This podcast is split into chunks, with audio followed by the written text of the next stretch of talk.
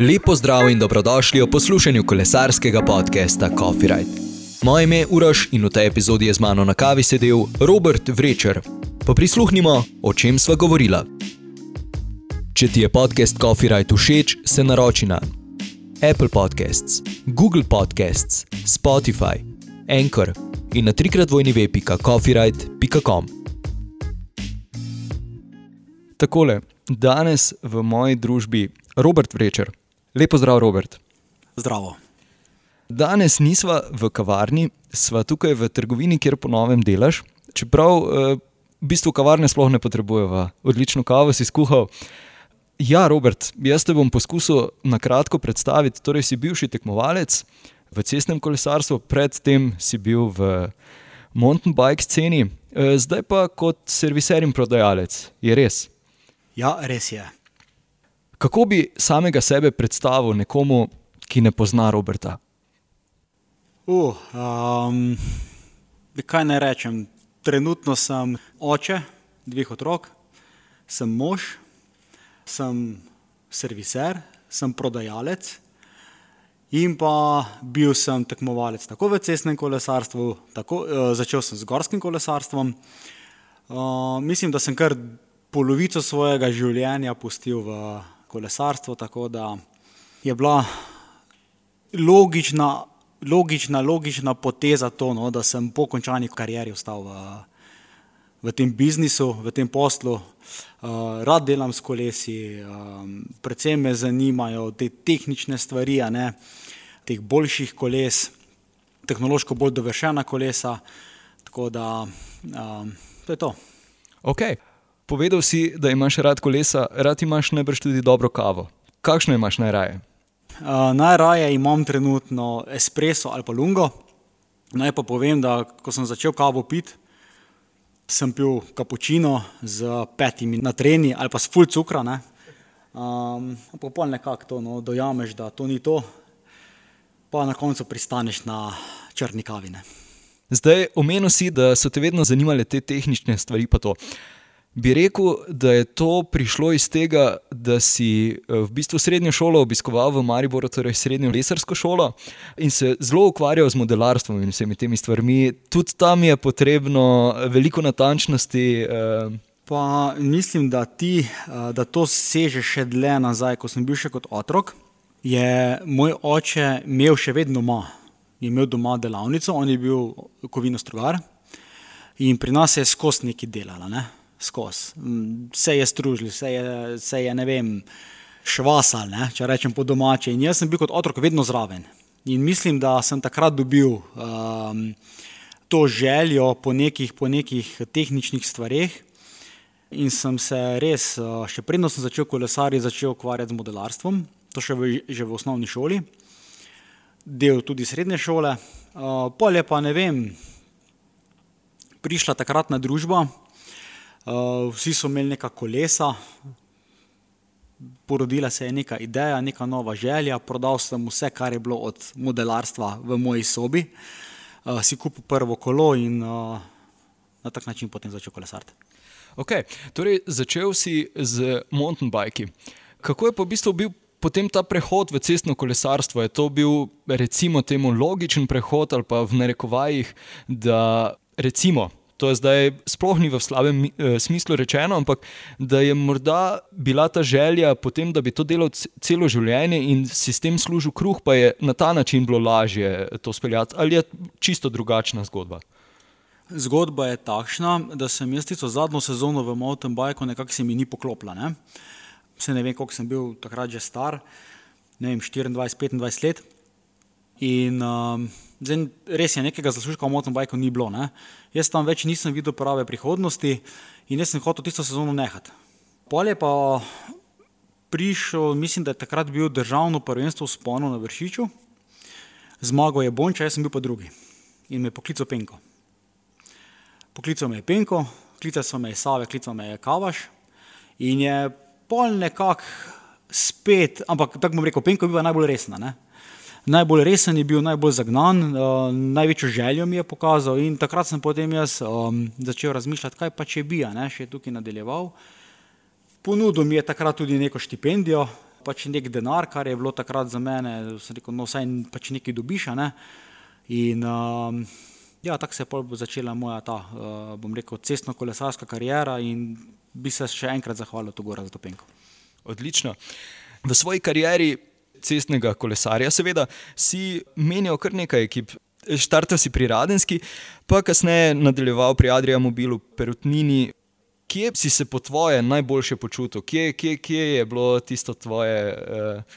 Pa se je bilo vse posod lepo. Um, zdaj, če grem kar po vrsti, pri Radenski, rogu, tam je bilo vse bolj, tako bi rekel, še otroče, ne? ker je bila tudi družba taka. Ne? Ampak bilo mi je, bom rekel, vse nekaj na novo, bilo mi je z tega vidika ful zanimivo. Tudi iz tistih časov smo stkali neki prijateljstvo, ne? ki zdaj na žalost so, bom rekel, stiki dosti redki, a ne lahko bi mogoče kaj več, ne ohranili teh stikov. Pol je prišla Adrija, to je že bilo, bom rekel, bolj tak profesionalen odnos. Um, res da bi pa, ne vem, kot ekipa smo se našli pa pri, pri Perotnini. Tam smo se pa res našli, bom rekel, kako bi temu rekel, pravi štajerci. Ne?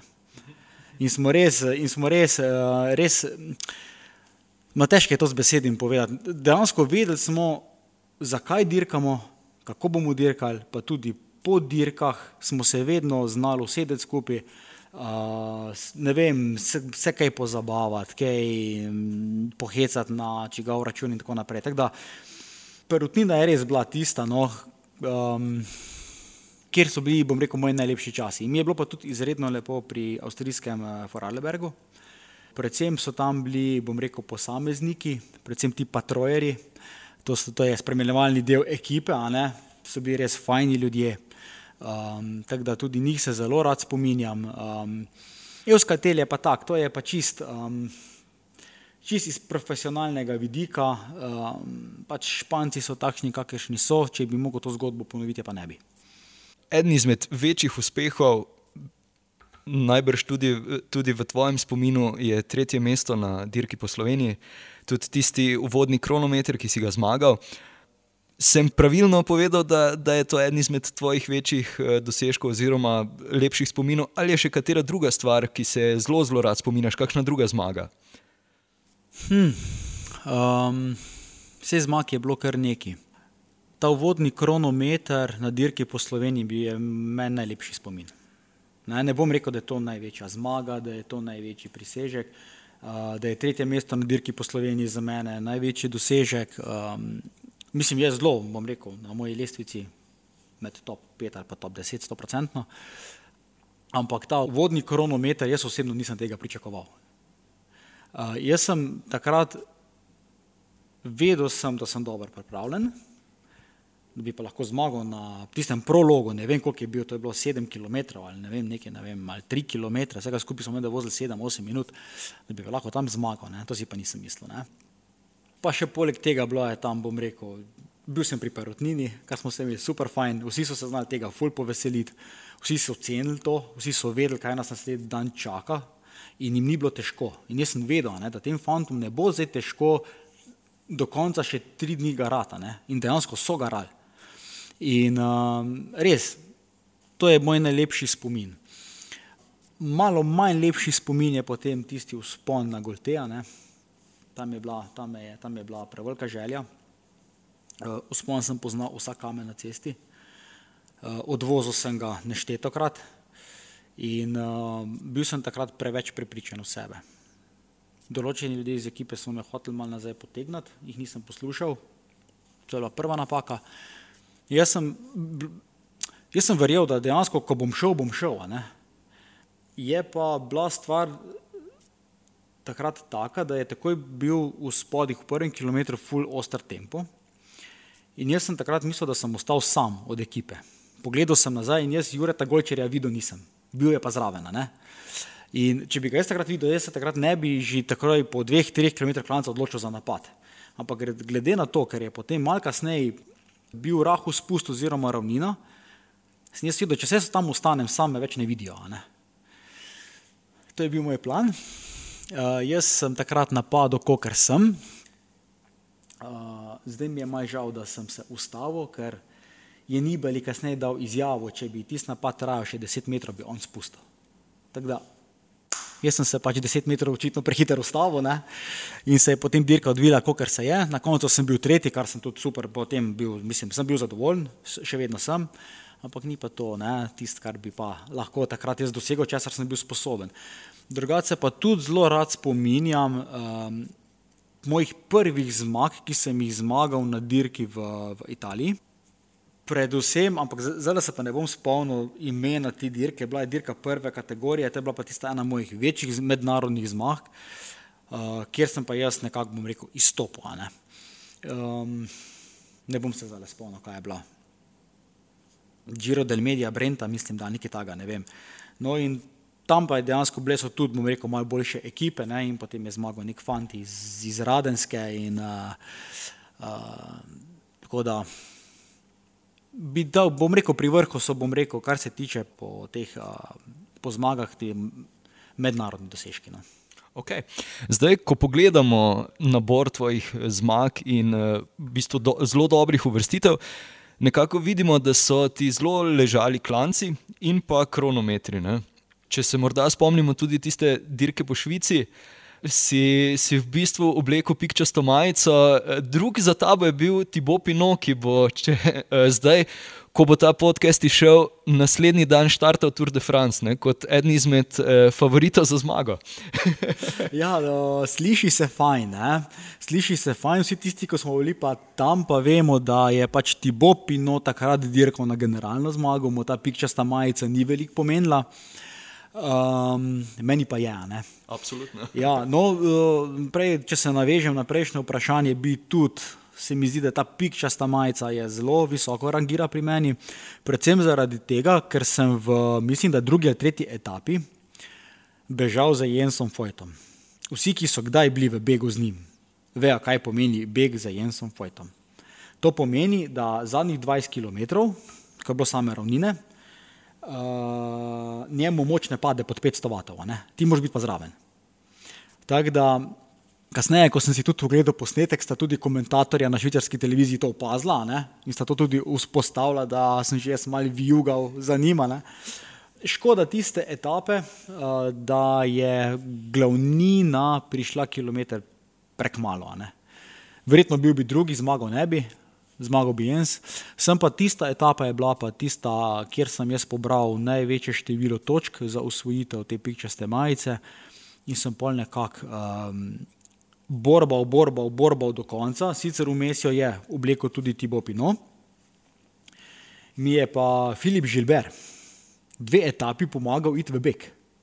Dejansko majica svetovnega prvaka takrat na Švici, uh, smo nekako, bom rekel, na kolesu razvila tak odnos, uh, oziroma jaz sem bil njemu tako fascinanten, uh, da mi je.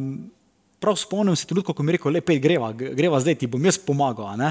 In mi je navleko, da sem skočil ven iz grupe, celo enkrat mi je skoraj ratal, sem že ostal sam, pri sebi sem si mislil, joj ne, sam naj še ena, dva ali pa tri, naj pridajo, ma pa lepa cela grupa preletela. In, um, Ampak ja, to so, bom rekel, tudi neki taki ful dobri spomini, lepi trenutki. Um, teda tudi ja, ta dirka po Švici, super dirka, ful hitra dirka, težka dirka, predvsem zato, ker Švicari imajo uh, ful dobre ceste.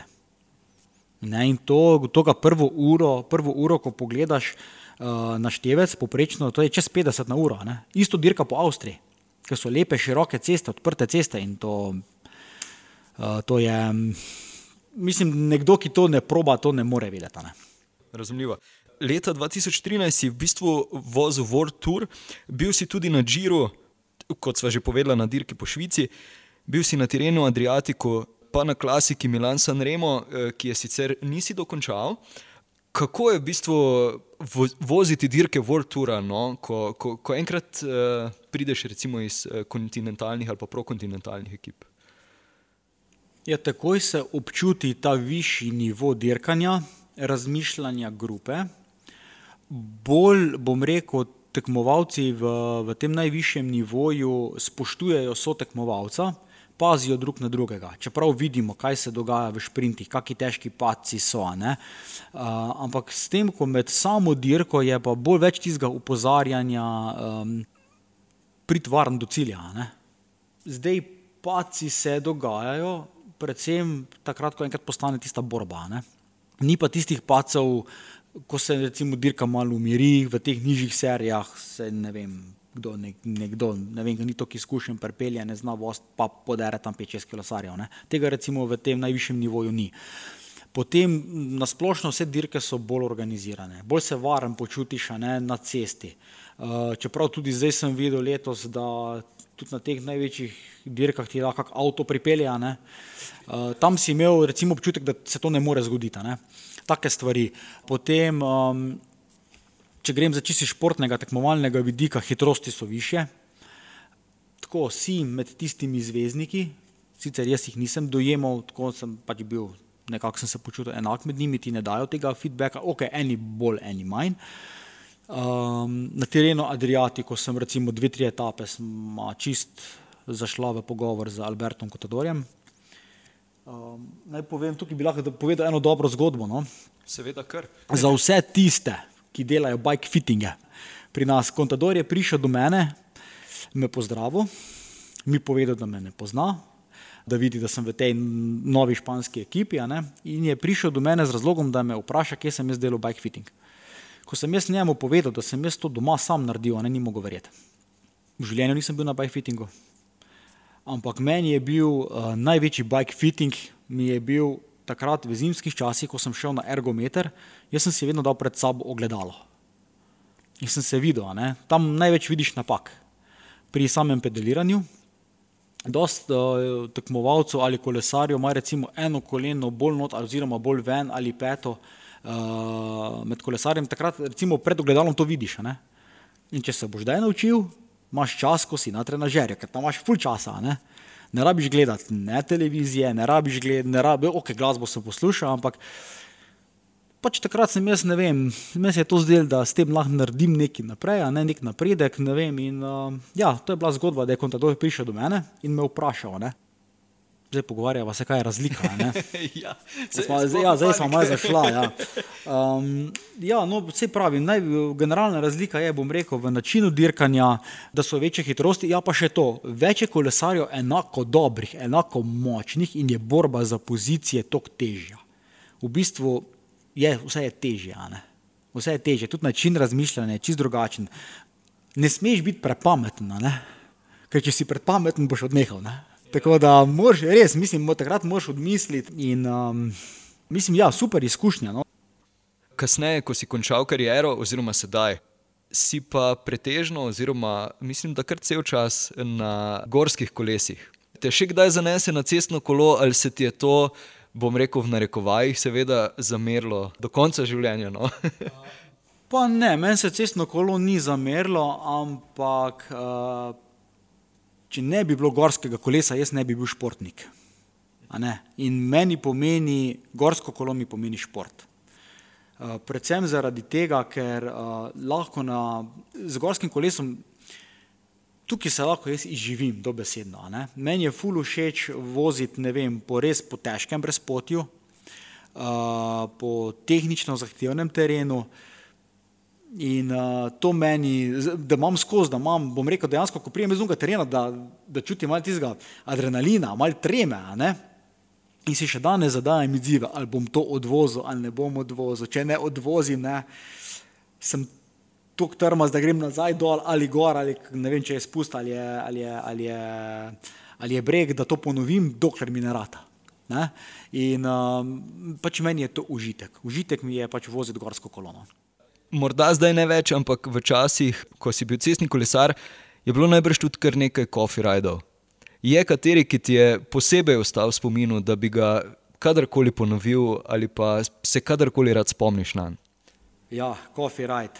Uh, to smo bili trije. Poleg mene je bil še Klemen Štimulak, pa Boštjan Rezman.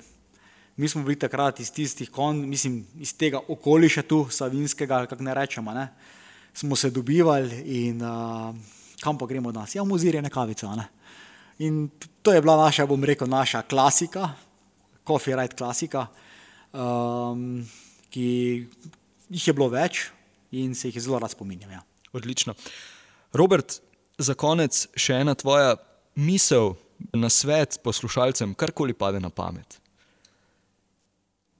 Pred kratkim sem imel intervju na verigi za MDB.si in bi tudi tu rad delil takrat moj nasvet. Ta nasvet si nisem jaz mislil, nekje sem ga prebral, ostal se mi je ful v spominu, dotaknil se me je kot starša in uh, bi ga rad še enkrat delil. In uh, gre pa nekako tako, da dela ne bo nikoli zmanjkalo, otroci pa enkrat odrastejo. Super. Najlepša hvala, Robert. Hvala tebi. Robertu še enkrat najlepša hvala, da si vse čas za kavico in pogovor. Mi se ponovno slišimo prihodnji petek. Če ti je podcast Copyright všeč, se naroči na Apple Podcasts, Google Podcasts, Spotify, Anchor in na trikrat vojni web.copyright.com.